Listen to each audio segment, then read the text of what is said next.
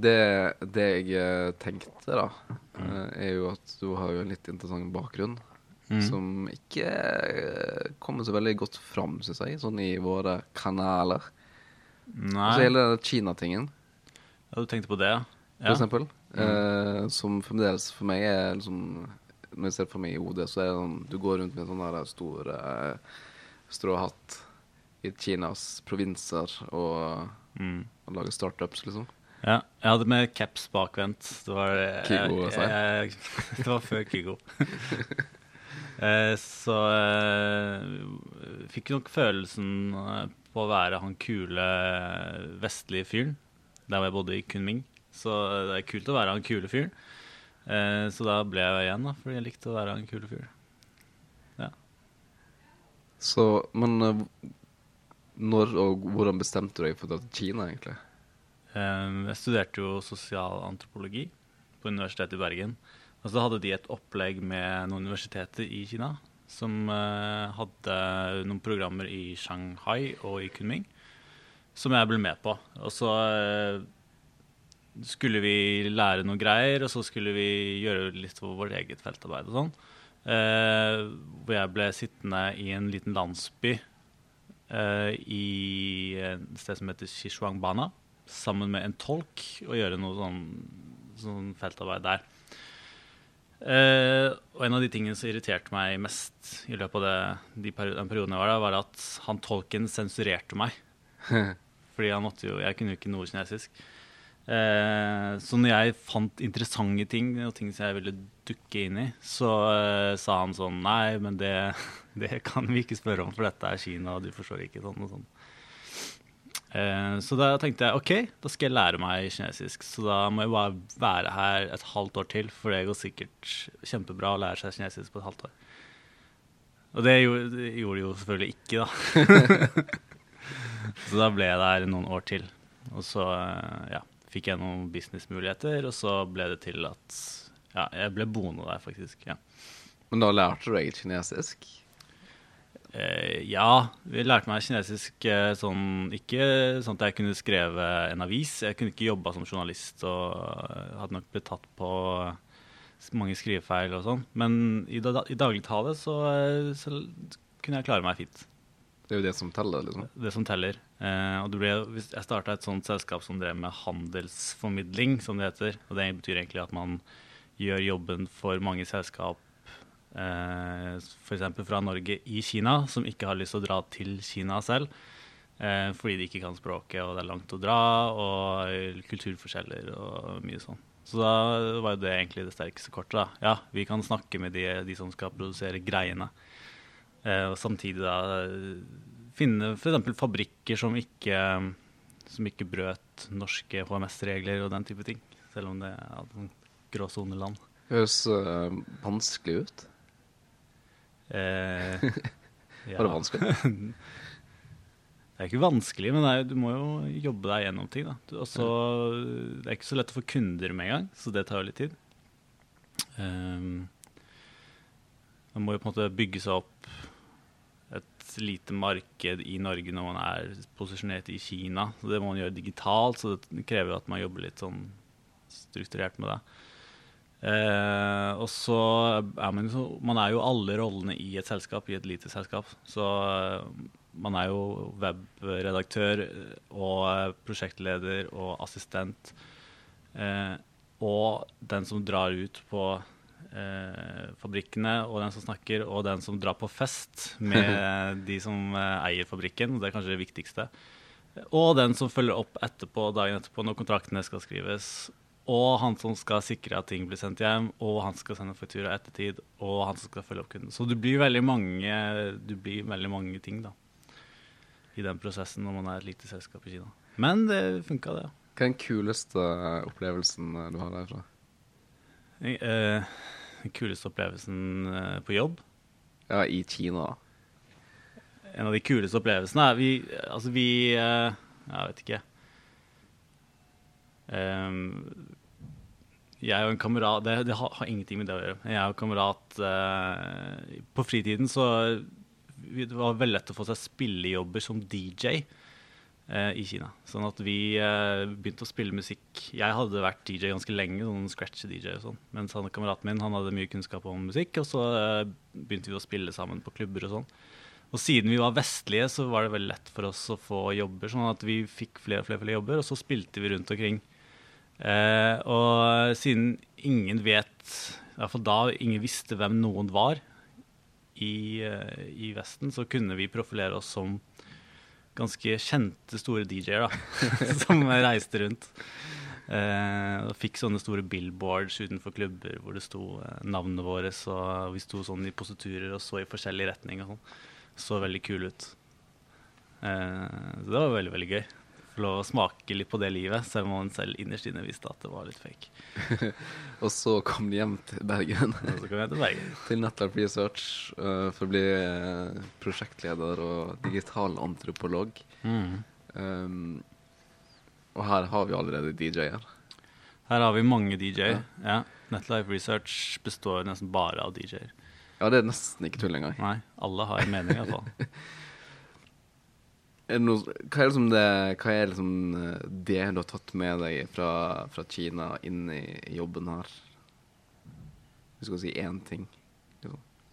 En ting er jo å være pragmatisk i hvordan man angriper arbeidsoppgavene. Eh, min jobb handler ofte om å prøve å finne svar på spørsmål på ting vi lurer på i prosjektene. Eh, vi lager oss ofte disse hypotesene om ting som kan funke for å løse et eller annet problem. Eh, og så må man prøve å finne svar på det. Og eh, min erfaring fra Kina Der kommer Camilla. Camilla kommer med en jungel. En jungel. Ja. Det at man må ut og, og møte folk eh, der de er, og møte de på deres premisser og prøve å forstå hvordan ting funker eh, der, det har nok hjulpet meg ganske mye. Eh, bare, man har på en måte sakte, men sikkert fått det litt inn i, eh, i DNA-et sitt. Eh, at man går inn i en, hver situasjon med litt sånn spørrende blikk, og så prøver å finne ut av hvordan ting funker. Og du gjør jo en av de kanskje vanskeligste tingene, nemlig det å oppsøke folk, fremmede folk og sånn som det, eh, for å liksom høre med dem om hvordan de forstår noe, eller klarer å bruke noe sånn som det. Ja, det er ikke så veldig, det er ikke så skummelt. Sa, sa du skummelt? Jeg syns det er skummelt. Ja. Jeg tror de fleste syns at det er skummelt. Ja, for det tror jeg. Jeg tror mange syns det er veldig skummelt. Eh, og derfor blir det veldig vanskelig. Men det er jo ikke noe vanskelig i seg selv. Alle, de aller, aller fleste er jo kjempehyggelige. Eh, og sånn sett er det veldig artig når man får lov å komme ut der og eh, møte folk og sånn. Men det å komme seg vekk fra kontorpulten sin er en stor frykt mange har. Eh, og jeg vet ikke hvorfor det er sånn, men det å på en måte komme seg ut og møte folk, gjerne de man skal designe for, det er av en eller annen grunn eh, en stor barriere der. Hvorfor tror du det? Altså, Eh, jeg tror det er først og fremst fordi eh, det fins mange andre arbeidsoppgaver som er lettere å gjøre akkurat der og da, så det er lett å utsette på ting. Eh, og så tror jeg folk, spesielt nordmenn, er litt redd for å eh, bevege seg utenfor komfortsonen når det kommer til å møte andre mennesker. Eh, og igjen da tilbake til de andre arbeidsoppgavene. Da er det lettere å si ja, men jeg gjør det litt seinere. Og så blir det kanskje ikke gjort. Eh, noe, men så er det kanskje egentlig det viktigste man burde gjort eh, der og da. For noen uker siden så dro jo vi til eh, vi, Hele Netlab Research dro til London på noe som vi kaller for Mission Camp. Mm. Hvor vi skal liksom utfordre oss sjøl og utvikle oss og sånt. der. Eh, og da havna jeg og deg på en såkalt bransjegruppe. Altså bransjegruppe for utdanning. Så det vi skulle gjøre der, var altså å bruke en liten uke på å bryne oss på et eller annet innenfor utdanningssektoren. Er det noen Mm. problemer der vi kan løse eller finne ut av? Uh, og da Da gjorde vi jo noe spesielt, gjorde vi ikke det, Tor? Det er riktig, Knut. Vi gjorde noe ganske nytt for oss. Eh, vi kjørte en eh, versjon av en sprint som heter Googles sprint. Google, som det store søkemotorselskapet. Det internasjonale multibrandet Google, som lar oss finne alt vi trenger å vite uten å spørre noen andre enn en datamaskin lenger. Ja, ikke sant? Ja. Så vi, vi gjorde en sprint, uh, og da snakker vi jo ikke om, uh, om sport, liksom. Nei, det, jo, det jo for Det er nok en grunn til at det er henta derifra. Eh, men sprint er jo en arbeidsform. Eh, vi var en del av denne bransjegruppen, som du sa. Eh, og innenfor den bransjen vi hadde valgt, utdanning, så fins det jo et hav av problemer og utfordringer som man kan uh, velge å uh, ta tak i. Uh, men for å sikre at man tar tak i de som kanskje er viktigst, og kanskje de som, er, de som har mest lavthengende frukt, så kan man bruke en sprint for å samle seg rundt en felles problemstilling. Og det var det vi gjorde. Det var det vi gjorde. Ja. Og eh, det, det hjelper kanskje litt å, å begynne med hvor, hvorfor noen har funnet på at man trenger noe som kalles en sprint, eller en arbeidsform som kalles en sprint. Mm. Hva, hva er det problemet man prøver å løse der, med måten å jobbe på? Nei, det er jo litt tilbake til det å skape fokus på én spesifikk ting, og ikke ha for mange problemer man prøver å løse samtidig. Eh, en sprint er jo egentlig en ramme for hvor du skal arbeide, og så kan man da samle mange mennesker innenfor den, de rammene, sånn at ikke noen begynner å jobbe med å tenke på helt andre ting. Eh, så man må kalle det sprint. Det fins mange sånne former å jobbe for. En sprint, Det fins mange typer sprinter også. Eh, Fellesnevneren er, er at man skaper fokus, gjerne i en, i en større gruppe mens, blant en større gruppe mennesker. Da. Det som er, det som er typisk, er vel at du, du, når du setter ned en gjeng som har kanskje noen samme interesser, og sånn og så har man en slags idé om et eller annet man har lyst til å skape eller løse. Og så setter de her folkene ned, og så begynner de å tegne opp på whiteboards og Post-Its og greier og greier, og begynner å google og, og så videre. Og så kommer man over masse problemer og masse ideer, og noen har noe som de syns er kult, osv. Og, så og, så, og så blir det veldig mye prat og møte og kanskje et langt eh, tekstdokument osv. Og, Mm. og kanskje noen som er litt sånne doers, har setter i gang med kode. Og så går det ca. to år, Ja. og så sitter jeg fortsatt med kanskje et sånt mammutprosjekt eller et eller annet sånt. Jeg har kanskje ikke funnet ut av det viktigste ennå. Jeg har bare funnet ut av litt av mange andre ting. Som også sannsynligvis eh, spiller noen rolle, men kanskje ikke er det viktigste. Det tror jeg skjer i mange, ja, i mange tilfeller. Mange større, mange større selskap. Ja, så sitter man kanskje med litt forskjellige ideer om hva man egentlig holder på med, Mm. og, videre. Vi har jo denne tverrfagligheten eh, i Netlife som eh, gjør at vi jobber veldig smart, fordi du ser ting fra ulike fagfelt samtidig. Eh, men de som ser disse tingene eh, fra sitt eh, ståsted, de har kanskje en litt annen idé i hodet sitt om hvordan ting fungerer, hva som er problemet, hva skal løses, enn den som sitter på andre siden av bordet. Og det at folk har forskjellige ideer i hodet når man jobber med samme tingen, det, kan, det er jo for så vidt en, en fordel, for man ser ting fra ulike sider. Men det er viktig at man ikke beveger seg for langt vekk fra den tingen som man jobber med, er, hva det er for noe.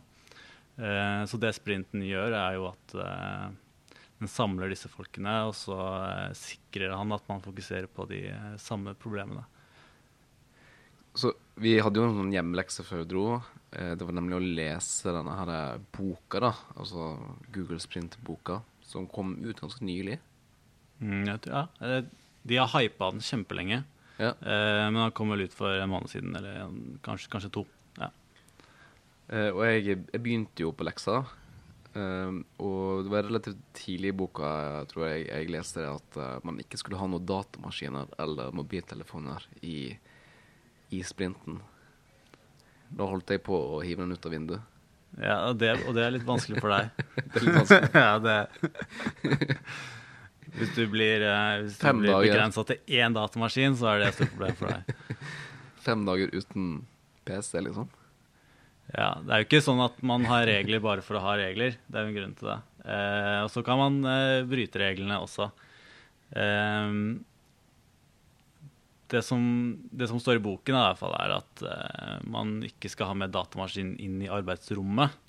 Uh, man kan gjerne ha de utenfor, sånn at vi skal gjøre disse tingene som også er viktig å gjøre, sånn som sjekke mail og oppdatere timene og alle sånne ting som folk gjør. så det må ikke være sånn at det er en distrahering at du ikke får gjort det du egentlig skulle ha gjort. Men i arbeidsmøte så eh, bør det være device-fritt fordi det skal være et kreativt forum. Det skal være et kreativt sted å jobbe. Eh, og folk jobber som oftest bedre når de klarer å skrive eller eh, tegne eller ja, egentlig bare snakke sammen. Eh, Whiteboard-ting. Det er jo veldig sånn klisjé på en UX-designer å sitte og whiteboarde ting og bruke UX-lapper, men, men det, de gjør noe. da. De, man klarer å på en måte fange en god del ideer. Man klarer å kartlegge noe, noen ideer som har kommet over tid, og så tar det vare på en god del sånn korttidsminne som er felles for gruppen. Sånn at man lett kan eh, se hvilken vei man har gått, og, og hvordan man skal angripe problemstillingen.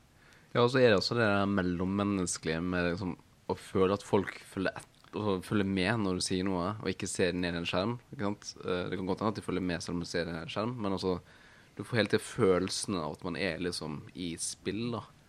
Absolutt. Det er utrolig deilig. Eh, veldig deilig. Og folk har jo litt sånn eh, ja, man, man, man, kan bare følge med så og så lenge, sant? og så plutselig så begynner man å miste litt eh, interessen, og da er det kanskje andre ting som uh, fanger interessen, sånn som en mobiltelefon eller en datamaskin.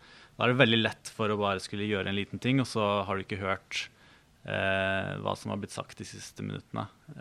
så bare for å sikre at liksom, folk er med og snakker om de samme tingene, så er det bare greit å ikke ha det, ha det med i en sånn sprint. Og det, det, det syns jeg gir mening, egentlig. Det jeg også syns var litt interessant her, som går litt ut på det du nettopp sa, var at du opplegger veldig sånn at det skal være litt behagelig. Du skal ikke skulle trenge å stresse så mye. Og det er litt sånn, Når du hører sprint, ja, du skal liksom gå fra en idé til en uh, testbar prototype som har blitt testa på fem dager. Det er på en måte pakka. Mm. Det høres ekstremt intenst og, og, og, liksom slitsomt ut, som det på en måte er. Men den er veldig lagt opp. Det skal være litt sånn mm. Hva pauser, og man skal ha sjokolade, man skal ikke jobbe for lenge på dagen. Og det er veldig mye sånn behagelig i det. også. Ja, det er, du, jo, du, skal ha fokus på målet ditt. Eh, og i veldig mange tilfeller så jobber man kanskje på et prosjekt, og da er jo det er et mål i prosjektet i seg selv å få til mest mulig på kortest mulig tid. Eh, men det som skjer da, er at fordi folk er jo forskjellige, folk eh, har forskjellig utholdenhet, eh, altså hvor lenge man klarer å være fokusert og og jobbe effektivt med en arbeidsoppgave er forskjellig fra menneske til menneske. Eh, og noen kan holde på sikkert i ti timer og ha energinivået på topp.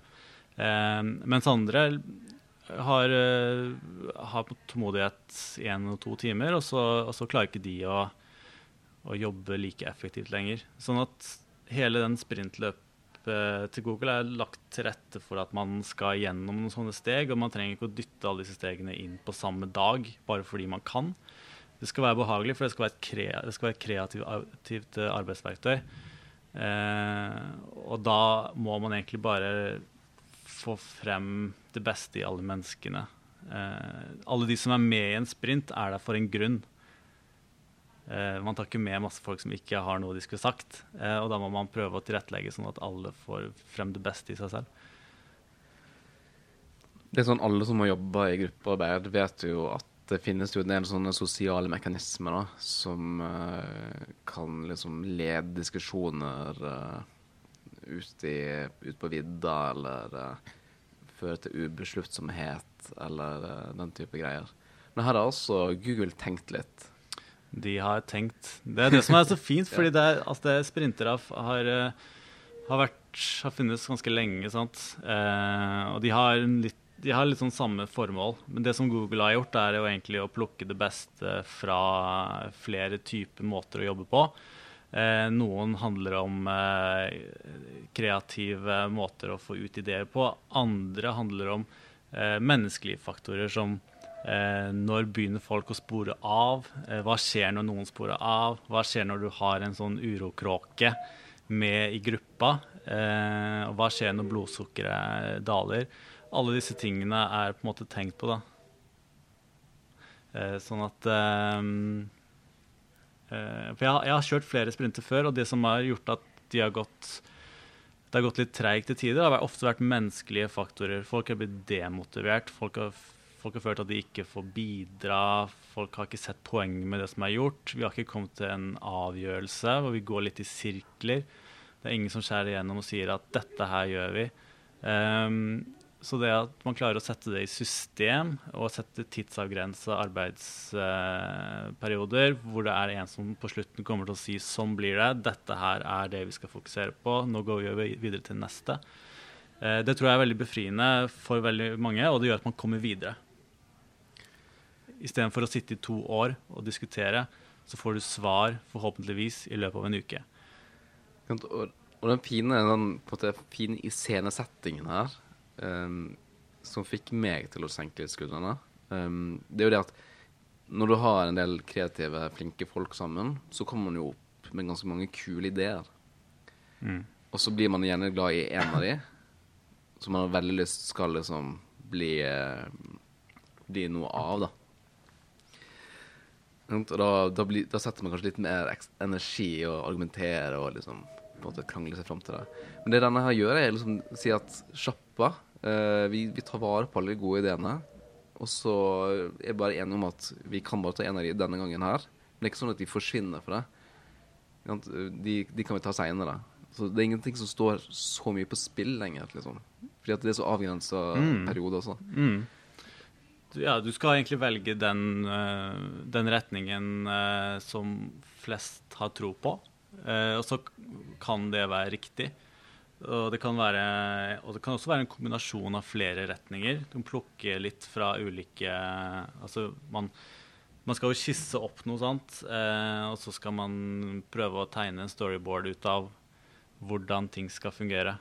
Og så kan man plukke kanskje de beste elementene fra flere personers storyboard, og så sette sammen noe som man tror kan løse problemet på best mulig måte. Og så skal man jo teste dette her. Det er jo det som er hele poenget, å få litt svar. Eh, og forhåpentligvis så treffer man jo eh, med noe som fungerer veldig bra.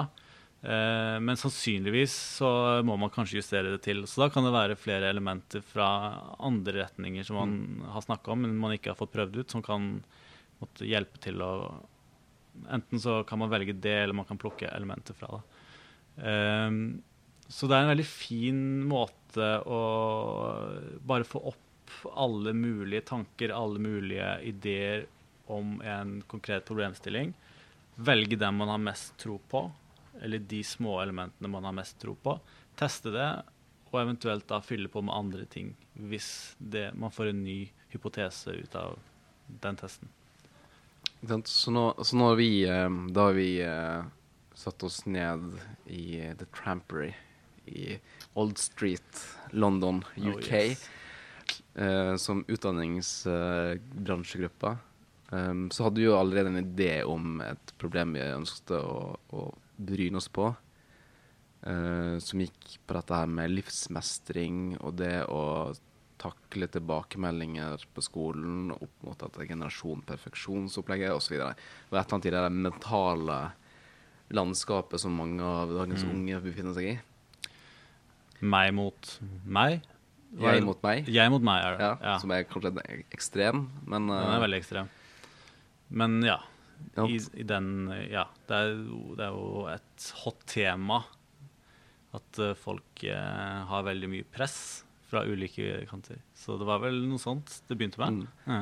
Og for min egen del da, så var jeg litt, litt sånn Jeg syns det var en, en vanskelig greie å teppe inn på, da, når du vet at du skal lage et eller annet digitalt. Ja. Helt Men- enig. Det var, det var ikke sånn Yes! Nå vet jeg hva jeg skal Det gjøre var ikke liksom en drone eller eh, en, en, eh, en eh, liksom den nye Tinder vi skulle lage. Nei, det var en litt mer eh, kompleks eh, verden å gå inn i. Spesielt når, man, når målet er å lage noe digitalt. Eh, man kunne jo hatt som mål å hjelpe noen. Sant? Eh, og prøve å finne ut hvordan man skulle hjelpe de best. Lage en organisasjon, f.eks. Det kunne man jo gjort. Eh, men vårt mål var jo å lage et digitalt verktøy Mm. Eh, så det var jo litt sånn Oi. Ehm, husker du hva, det, hva var det første vi gjorde liksom, for å komme i gang? Um, vi stemte, gjorde vi ikke det? Eller tenkte du etter stemmingen? Ja, etter, når vi var i London, på en måte. Når vi, når vi skulle begynne med, med sprinten.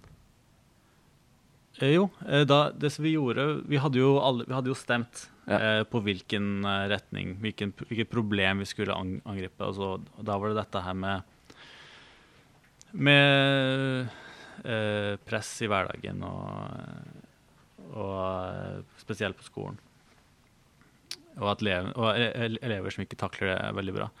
Eh, Så da hadde vi allerede avtalt på forhånd hva vi skulle jobbe med. Eh, og så møttes vi i London, og da var vi jo Tre av oss hadde vel eh, Vi jobbet jo sammen her på kontoret. Og så var det tre fra Oslo-kontoret som var med, og noen kjente hverandre, noen kjente hverandre ikke så godt.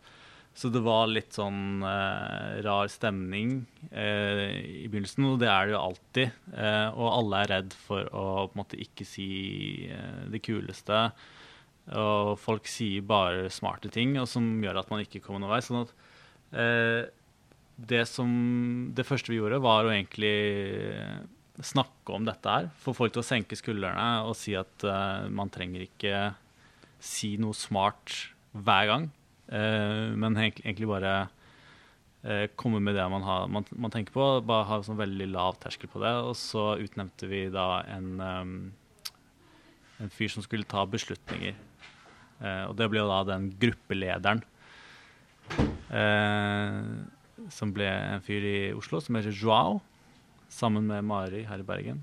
Vi, vi valgte to, av en eller annen grunn. Eh, og så valgte vi ut en fasilitator eh, som skulle drive gruppen gjennom disse her stegene i sprinten. Som ble meg, fordi jeg hadde lest boken. Du hadde lest boken? Jeg hadde gjort leksen. Ingen andre hadde gjort den like godt. eh, og litt fordi jeg har gjort det før, eh, med andre typer sprinter som, som kanskje ikke var en uke, men som hadde litt av det samme, det samme innholdet. Eh, ja. Så da var jeg han som skulle mm, drive folk gjennom disse stegene, mens Joao og Mari eh, skulle ta beslutninger der det måtte til. Og så var alle andre eksperter som forhåpentligvis ikke var redd for å kaste inn alle mulige ideer de hadde underveis, og diskutere hyppig uten å bli sett på som eh, dum og, og sånn som man har litt frykt for av og til. Alle er redd for å være dum. Ja. Det er liksom møtets Altså hvis de er Ja. Det er de kjipeste møtene. Der hvor alle er redd for å være dum. Ja, og sånn. ingen sier noe. Ingen sier noe som får en i noen som helst retning. Uh, og så der man ikke tør heller å utfordre hverandre, Mm. fordi at man uh, Alle er enig. alle, alle skal være enige. Så det måtte vi unngå. Eh, og det fikk vi også bekrefta. Vi var jo innom eh, Google, eh, hovedkvarteret i London, i løpet av oppholdet, hvor vi snakket om sprinten med de. Eh, og hvor de bekrefta at dette, var, dette er et problem som ikke bare eksisterer i Norge og i Netlife, men også i London, spesielt i Google. Eh, det at folk ikke slapper av når man begynner på, sånne, på den type arbeidsrunder da, som en sprint er. Og eh, at en av de viktigste tingene er å få folk til å slappe av. Eh, og de har litt sånne øvelser for det. Litt sånn der, liksom, det man kan kjenne igjen fra sånn improteater og sånn. Hva var det vår venn Mustafa i Google hva lek? Var det et eller annet sånn dyrenavn? Ja, det var kanskje du skulle si hvilket dyr du var, og så måtte du etterligne det. Og så måtte du etterligne hvilket dyr den andre var, var det ikke noe sånt? Ja, noe sånt. Og så eh, måtte du da, eh, sammen med mange som du ikke kjenner, begynne å etterligne masse dyr. Som er litt, høres veldig sånn teambildet ut, og improteateret ut, men som sannsynligvis funker, da. Vi, vi gjorde ikke det. Eh, vi følte vel oss ganske trygge på hverandre etter hvert. Ja, men det er et eller annet med det å være silly sammen, og at når du har sett en etterligne f.eks. en apekatt, så er det kanskje litt sånn lettere å Ja, hvis du ser han smarteste og- i rommet eh, sitte på eh, huk og klø seg på hodet og hyle som en apekatt, så er det kanskje litt lettere å selv komme med en idé som ikke er den verdens beste idé. Eh, da er ikke det så flaut lenger. Det er en interessant dynamikk der, da, for sånn er fungerer jo mennesker. Eh, og som sagt, de kjipeste møtene man har i prosjekter, er der hvor alle skal være så utrolig smarte. Eh, det er fint å være smart, men man må på en måte være man må senke skuldrene litt og faktisk fokusere på de ekte problemene. Det er jo på en måte viktig å få ut alle de dumme ideene også. Ja, ja, kjempeviktig. For de på en måte Ja, ja. Slik at man kan bli ferdig med dem. Ja. Og det var jo ikke Den som kom med de, noen av de beste ideene i denne sprinten, var jo ikke, var jo ikke seniordesigneren nødvendigvis, selv om eh, alle bidro. Eh, Vår kjære administrasjonsansvarlige Mari Administrasjonsansvarlig, det er kjipt. Administrasjonsarbeider Mari var jo den som eh, både kom med ideen og kom nesten, med mange av de beste innspillene. Sånn at eh, Ja. Det gjelder jo bare å få alle med, da. Mm. Og det er også med, med splinten, at siden, siden det meste arbeidet går i dialog og ved å notere på Post-its og whiteboards, så er det jo også veldig sånn opp, opplagt tverrfaglig eh, greie. Mm. Altså alle kan faktisk være med, uansett Ikke sant? bakgrunn. Det er et veldig godt poeng. Eh, det krever ikke at man kan noe spesielt. Det krever at man kan skrive. Eh, det tror jeg de fleste i Netlife Research kan. Det var Eh, ganske litt interessant å se de som var grafiske designere tegna.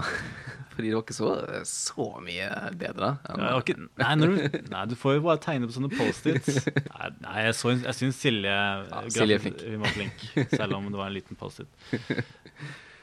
Eh, men det, det at man er flink til å tegne i, i, på det stadiet, har ikke noe å si for om ideene er gode eller ikke. da. Ikke sant? Nei. Nå kommer det masse folk her.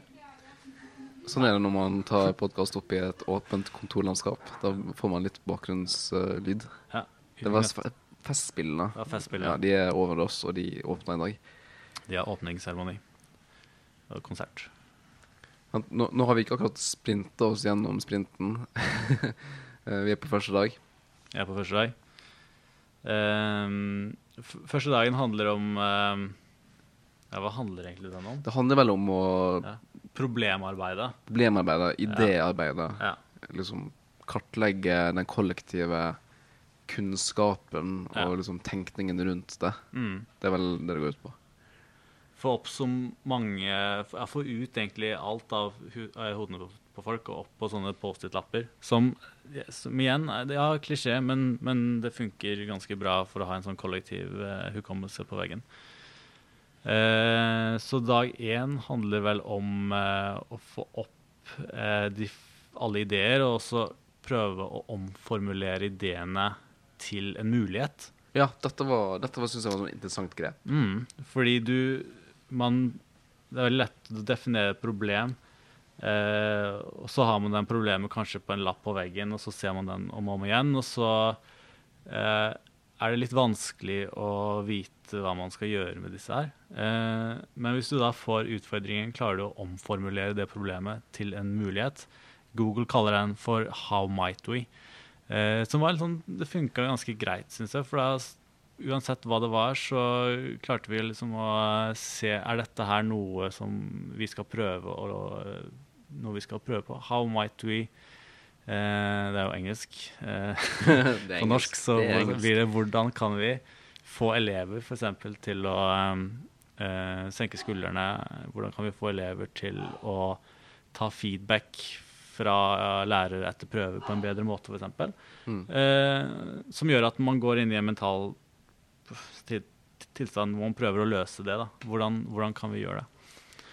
Det, det første som du ser kanskje bedre hvorvidt et problem er for vidt eller for abstrakt, eller hvor, om det er konkret. Sånn som det. Mm. Uh, mye klarere enn den andre måten å formulere ting på.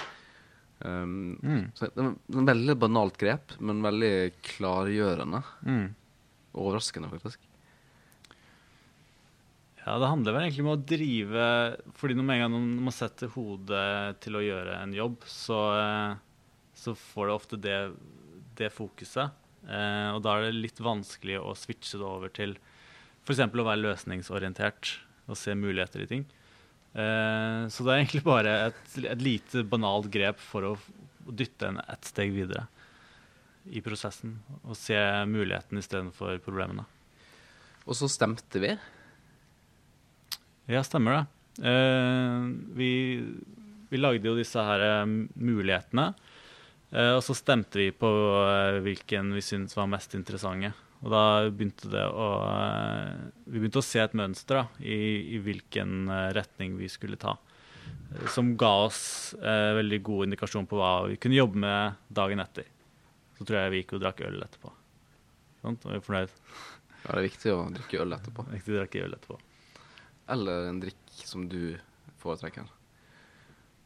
Tenk trenger ikke være øl. Ja, sånn du som han. Ja, som i lytteren. Lytteren, ja. ja. Jeg, jeg ville tatt øl. Eh, det ville jeg også. I hvert fall i London. I London. Ja. Så da har du, da, da har du På dag én så har du jobbet deg gjennom eh, eh, Du har på en måte blitt enige i gruppen om hva man skal fokusere på. Eh, det er noe som heter 'begin with the ending', hvor du på en måte prøver å beskrive hva er det egentlig vi skal gjøre på fredagen, som er den mm. siste dagen. Uh, hva er det vi skal oppnå da? Uh, og så uh, har du klart å definere noen problemer. Egentlig har du fått ut alle mulige versjoner av problemene som kan være aktuelt å se på. Og så omdøpt de til muligheter, og så har man stemt i gruppen på hvilke muligheter som er mest interessant. Og da tar man med seg de ideene som man har blitt enige om, til neste dag, som handler om å skisse. Skisse, ja. Skisse. Skisse. Skisse. Er det, hvordan fungerer det ordet på radio? Det er mange, mye S. Ja, det er derfor vi har sånn filter foran ja. uh, mikrofonen her. Slik at det ikke Så det fungerer veldig bra. Ja, så bra. Men jeg, ville, jeg pleier å si 'lage utkast'. La, ja, for det er, det er det, kan, det er den norske versjonen av, av Drafting. Skisse. Ja, ja. Hva går uh, skissing ut på? Um, skissing går ut på å uh, få ned at alle Altså selve skissingen går egentlig bare ut på å tegne, eventuelt skrive eh, ned ideene sine på et ark. Eh, spinne videre på sine egne ideer, eh, og spinne videre på de ideene igjen. Og så eh, forhåpentligvis klare å tegne ut eh, noe som kan være med å løse det problemet man ble enige om å fokusere på på mandagen. Eh, som i vårt tilfelle var hvordan få elever til å håndtere karakterfeedback på en bedre måte. Sant? Eh, så det, da går man gjennom eh, ja, to timer med ulike sånne skisseøvelser eller tegneøvelser. Eh, hvor man i begynnelsen bare begynner helt åpent og bare drodler ned alt mulig rart man kan tenke på. Så tar man med seg de tingene man syns er mest interessant. Eh, og så spinner man videre på det og prøver å konkretisere det litt til, og så litt til, og så litt til. Eh, og så eh, skal man Det er noe som heter Crazy Eight, som er noen annen kul ting. Altså, det er mye greier, da, men poenget er at man skal tegne ned og ende opp med noe ganske konkret som kan løse den problemstillingen. Og lage en sånn storyboard, som det heter, hvor man Det er jo ingen som begynner på en nettside, f.eks. De har vært et sted før nettsiden, og så har de et mål med å være der. Så da må man eh, tegne opp hele den flyten eh, på det man har lyst til å prototype opp og teste, eh, mm. for å se om det løser det problemet man hadde på mandagen. Så eh, hører vel egentlig med til historien her at det er et steg før skissingen hvor man eh, skal la seg inspirere litt av andre som har løst mm. lignende typer problemer, men kanskje ikke i samme bransje. Jeg tror f.eks. utdanningsbransjen eh, trenger ikke å se i utdanningsbransjen for å finne inspirasjon. Det kan godt hjelpe de å se i en annen bransje, f.eks. Mm. bankverden eller helse, e-helse eller andre steder. Det er, ofte, det er ikke alltid at svaret ligger i sin egen, sin egen bransje. Ja, det vi gjorde da, var jo å, å lage et sånt Pinterest-board. Mm. Hvor alle liksom la inn lenker og greier på ting som vi mente var mer eller mindre relevant for, for dette. her da. Mm. Så alt fra sånne eh, emosjonsapper til forskningsartikler Mm. til uh, liksom brukergrensesnitt som man syntes var interessante. Ja.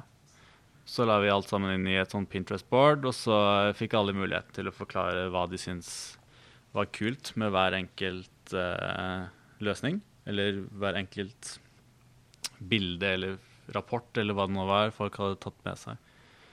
Uh, og da når de var på dette Pinterest-boardet, så var de tilgjengelige for alle å se på. Eh, og etter at folk hadde forklart hva det var for noe, så hadde også folk forstått hva de forskjellige tingene var. Eh, noe som gjorde at man, man begynner å få kanskje ideer på ting som man kanskje ikke hadde før. da. Ja, for det er jo ganske vanskelig sånn Ja, sett deg ned og begynn å tegne. Det, altså, det er vanskelig å gjøre det ut av ingenting, på en måte. Ja, ikke sant? Så den dagen er jo fullt med sånne øvelser som skal liksom få deg til å trigge litt uh, ideer og, Ja. og faktisk klare å gjøre det. ja. Ehm, og det er helt greit å la seg inspirere av andre. Kopiere er på en måte ikke så greit. det kan til og med være ulovlig, tror jeg. Men, men å la seg inspirere, det Alt er inspirert. Alt er en inspirasjon av noe annet, nesten. Alt bygger på noe annet. Uh, når vi lager nettsider i Netlife, så ser man ofte ah, dette kunne jo løst det problemet, og den ideen kommer kanskje fra en annen nettside man har sett, innenfor en helt annen sektor. Så det handler om å på en måte trigge disse tankene. Mm. Også, for, det, ja, for det er sånn som du sier, det er vanskelig å bare tegne noe uten å ha noen idé om hvor, hvor man skal. Ja, noen rammer da, som begrenser litt. Grann. Mm. Um, mm. Når vi hadde da brukt en dag på å skisse ut ting, det var vel nok en sånn avstemming. Ja, stemmer. Da, Ja. da stemte vi av, eh, og det var en litt sånn prosess hvor Ja. alle fikk stemme, men så fikk eh, disse her eh, som bestemte, stemme litt mer enn alle andre. Det var ikke et, demok et demokrati likevel. Det var eh, de som skulle bestemme, og så endte vi da opp med to løsninger som vi syntes var kule, som vi smelta sammen til én. Ja. Så eh, da hadde vi gått i løpet av ganske kort tid eh, fra, fra å være helt åpen, dette er et problem, hvordan kan vi løse det? Eh, Kasta opp alle mulige ideer eh, i løpet av en dag, kommet ned med noen ganske konkrete, interessante om områder.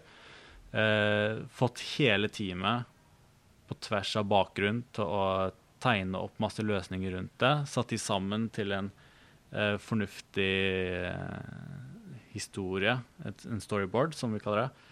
Eh, som, kunne, som kan være aktuell til en brukertest. Og så eh, stemt på hvilken som var mest interessant på tvers i gruppen. Putta alle de som ikke ble valgt, inn i en kanskje senere kategori. For det er, sikkert, det er ikke sikkert man velger riktig. Eh, og da sitt, satt man igjen med noe ganske konkret å jobbe, jobbe ut ifra.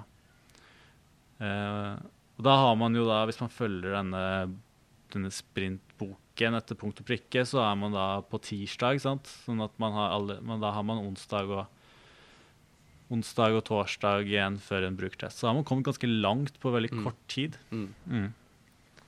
Får gjort veldig mye arbeid konsentrert. Og så er det prototyping. Ja, det, det er noen steg imellom Er der. det? Ja. Har ikke gjort leksa mi. Det har ikke gjort leksa. Eh, For da vet man sånn cirka hva man, skal, hva man skal lage, men så må man begynne å eh, tegne opp hele flyten i dette her. Eh, Man må, skal se for seg at dette her er noen mennesker som skal bruke, sannsynligvis.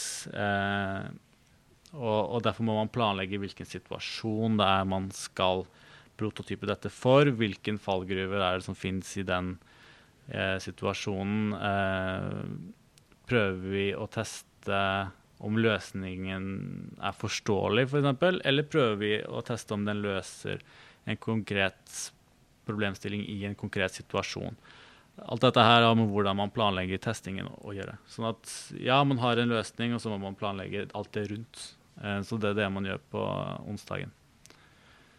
Eh, så det, det, er litt det samme. Mye tegning og mm. sånn. Og så ender man opp med en story som eh, eh, Som er spennende for prosjektet. Og så kan man da på torsdagen begynne å prototype dette.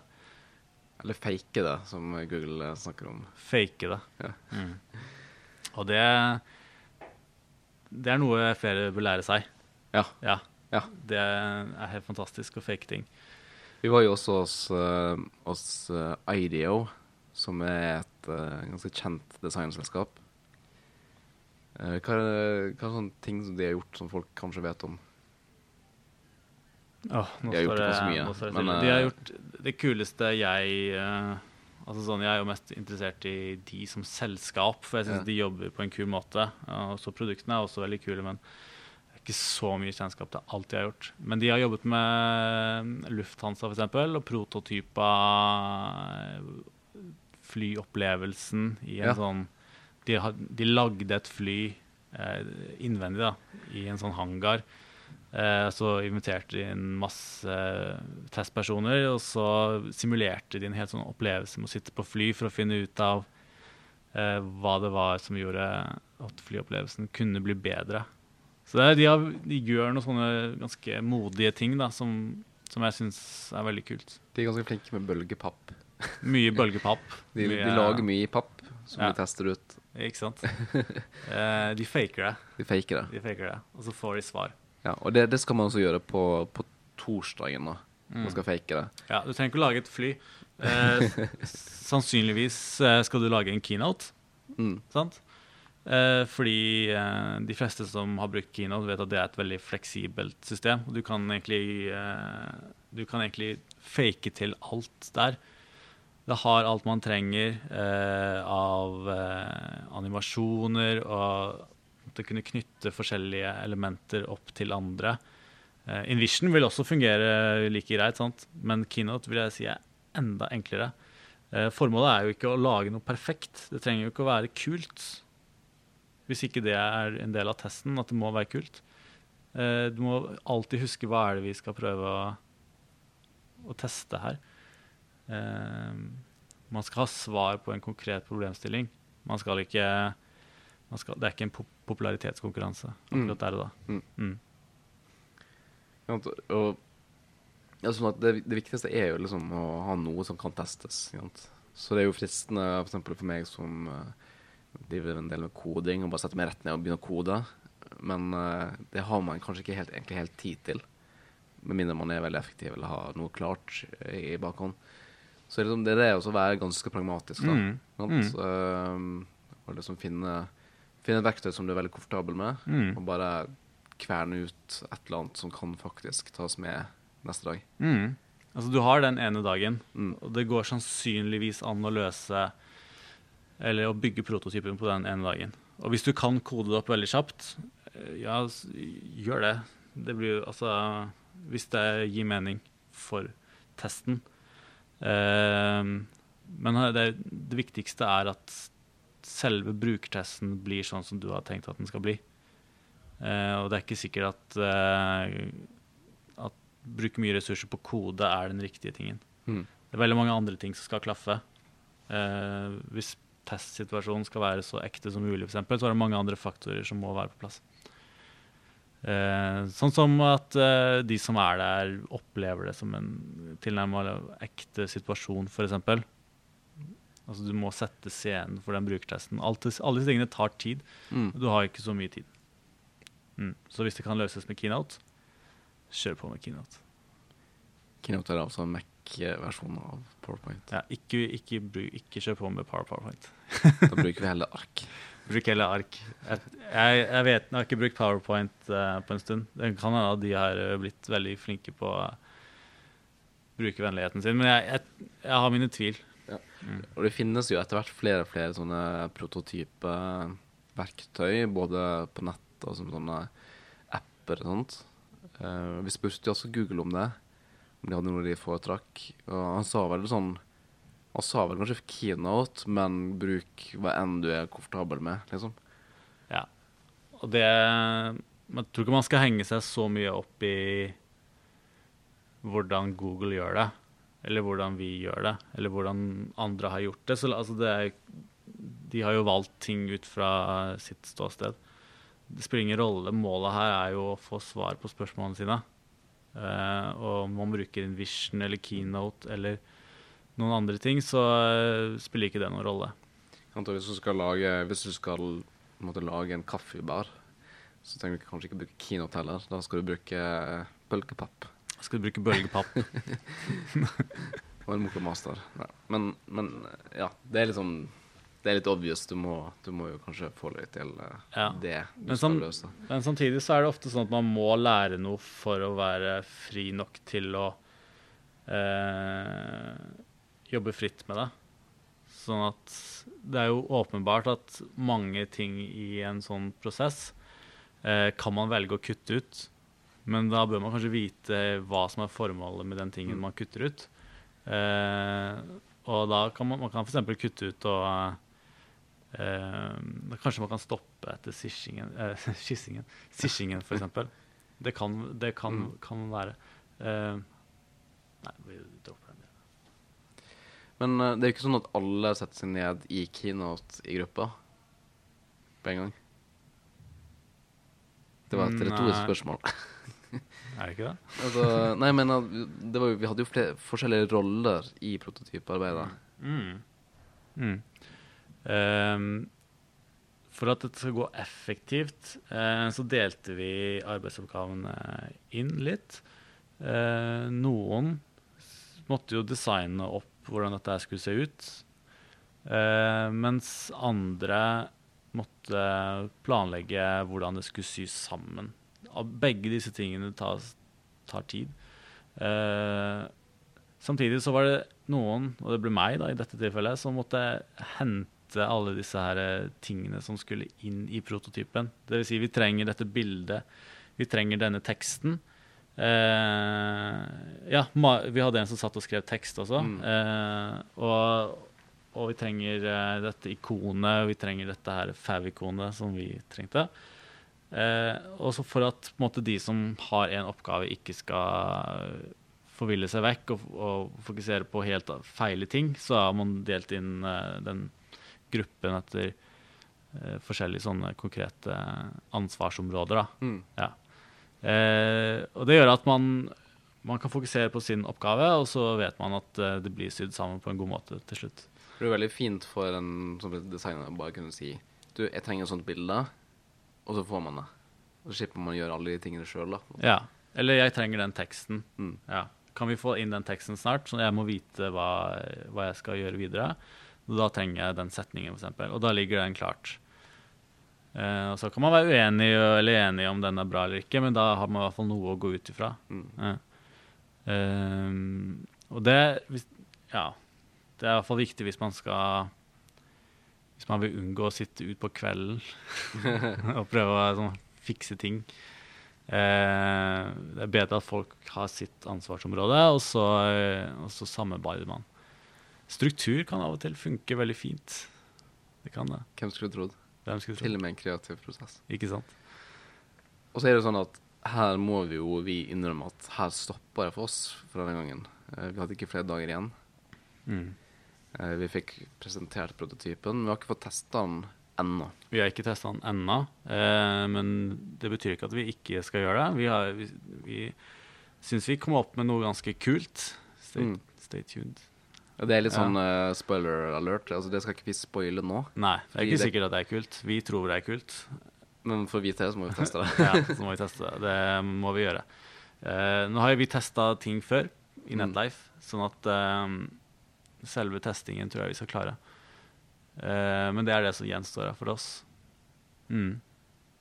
Men vi var veldig imponert over hva vi fikk til ja. på så kort tid. Eh, veldig mange kule ideer som ble kasta opp. Eh, og så måtte vi velge én, eh, eventuelt to, som ble til én. eh, men ufattelig mye stilig. Eh, og jeg, vil- jeg syns denne måten å jobbe på er veldig fruktbar, hvis man har de rette folka med. Ja, men, men eh, mitt inntrykk er til, til og med når, når du ikke nødvendigvis har de rette folka, så, så sørger en del av den prosessen med at man, allikevel likevel kommer videre og, og frem og sånt. Ja, du Altså, kommer jo videre og frem. Så lenge man er enig om spillereglene, selvfølgelig. Mm. Eh, men det bør vil- man kanskje helst være, hvis man har lyst til å ikke bare sløse bort tid og penger. Ja, hvis, hvis, eh, ja, hvis noen eh, som eh, hører på, har tenkt å kjøre en Google Sprint, så bli enige om spillereglene. Mm. Eh, hvis det er noen som ikke er med på det, så kan det ødelegge alt. Og det er ikke sikkert alt gir mening i det øyeblikket du skal gjøre noe, eh, men det vil gi mening i, i, det, i det større, større bildet. Ja, det er et veldig viktig poeng. tror jeg, at Ja. Bare sånn stick with it, liksom. Ja. Ikke, ikke sett for store spørsmål. Det har en hensikt, det du gjør nå, selv om det virker litt rart. og sånn. Ja. Men jeg har opplevd før at det er folk i sånne situasjoner. Man kommer, med, man kommer kanskje med et virkemiddel eller en sånn oppgave for å komme et steg videre, og så ser man ikke helt poenget med det. Og så er det de tøffeste i gruppen som setter seg litt på bakben og sier 'hvorfor skal jeg men det der Og det skaper jo en litt sånn negativ dynamikk i gruppen og litt sånn usikkerhet. Um, og det kan løses ganske greit ved å bare si det på forhånd. Mm. Ikke alt kommer til å gi mening, men, men alt har en funksjon likevel. Sånn som jeg opplevde det. Og det er jo pluss at uh, det funker jo. Altså Nå er ikke jeg så veldig fan av sånn uh, Denne metoden vil uh, føre til suksessopplegg. Altså det er jo veldig masse sånne måter å jobbe på og videre, program Mm. og så det, som skal sikre deg suksess. Ikke sant? Ikke så veldig fan av det, men her, her må man bare si at altså, Google har klart å ta ut en del ting som imøtekommer ganske mange av de her litt kontraproduktive gruppedynamikkene som oppstår, Mm, mm. som er helt uunngåelige. Mm. Og det, det er ganske morsomt. Jeg skulle liksom likt å Du skulle, vært, du skulle- fått vært antropologen i rommet, og ikke bare fasilitatoren. Ja, ja, ja, det har vært gøy. Bare se liksom Det hvordan det faktisk funker. da. Altså, Ja. Hvor de her eh, øvelsene da gjør et eller annet med dynamikken som kanskje var i ferd med å sette seg. Eller, ja. Ja, ja, det har vært kjempespennende. Mer Altså. forskning trengs. Ja. ja, jeg tror ikke vi kan si at den uh, Vi har forska på Google Sprinten nok til å si at den funker, men uh, Vi har testet den. den, og jeg, har, jeg kommer til å prøve den igjen. Ja, og det, nå, jo, nå lager vi jo podkast for en bedrift, for vår bedrift. Mm. Uh, og det er jo ikke noe tvil om at eh, det er produktplassering. Mm, Nei, det, da må vi ha sånn P. Oss, oss, ja, vi må ha P. Eller må vi det? Jeg vet ikke, Om vi ikke ta betalt, eller Det er ikke noen sponsor. Uh... Vi får jo betalt. vi får betalt. Så jeg vet ikke. Det er vel PR, ikke det? PR. Vi kan kalle det PR. Poenget mitt er da, er jo selvfølgelig at uh, vi har jo veldig lyst til å gjøre mer sprinter, da. Gjerne med, med kunder og, og den type ting. Absolutt. Den type uh... ting. Altså kunder. Punktum. Ja. Eh, vi tror det kunne vært veldig morsomt og kult å, å gjøre det. Ja, det, for det første så er det et kjempegodt verktøy for å få gode svar. Sant? Mm, mm. Eh, du får kasta opp mange ideer samtidig, og du får gode svar på ganske kort tid. Det tar bare en uke. Eh, I hvert fall første runde, da. Så kan man kanskje ha en andre sprint hvis man føler man eh, er inne på noe. Eh, det er det ene. Og det andre er at man får jobbet sammen. Eh, F.eks. hvis vi skal gjøre en sprint sammen med en kunde, så vil ikke vi gjøre den for kunden. Eh, for vi har ikke nok domenekunnskap. Vi har ikke eh, den forståelsen for hva som skal gjøres, sannsynligvis. Eh, og vi har ikke den myndigheten til å ta avgjørelser som, på deres vegne som de har. Vi vil alltid måtte gjøre det sammen med dem. Og det tror jeg kan føre til ganske mye bra. Mm. For da får du belyst eh, en problemstilling fra veldig mange forskjellige vinkler. Eh, også de som er i en bransje, får kanskje belyst sitt problem fra eh, folk som er i en annen bransje. Det kan eh, føre til gull. Det var min eh, prat med Tormod eh, Nordstetten, prosjektleder og digital antropolog i Netlife Research Bergen. Eh, vi kommer tilbake igjen om eh, en uke eller to med en ny episode. I mellomtiden, takk for at du hørte på.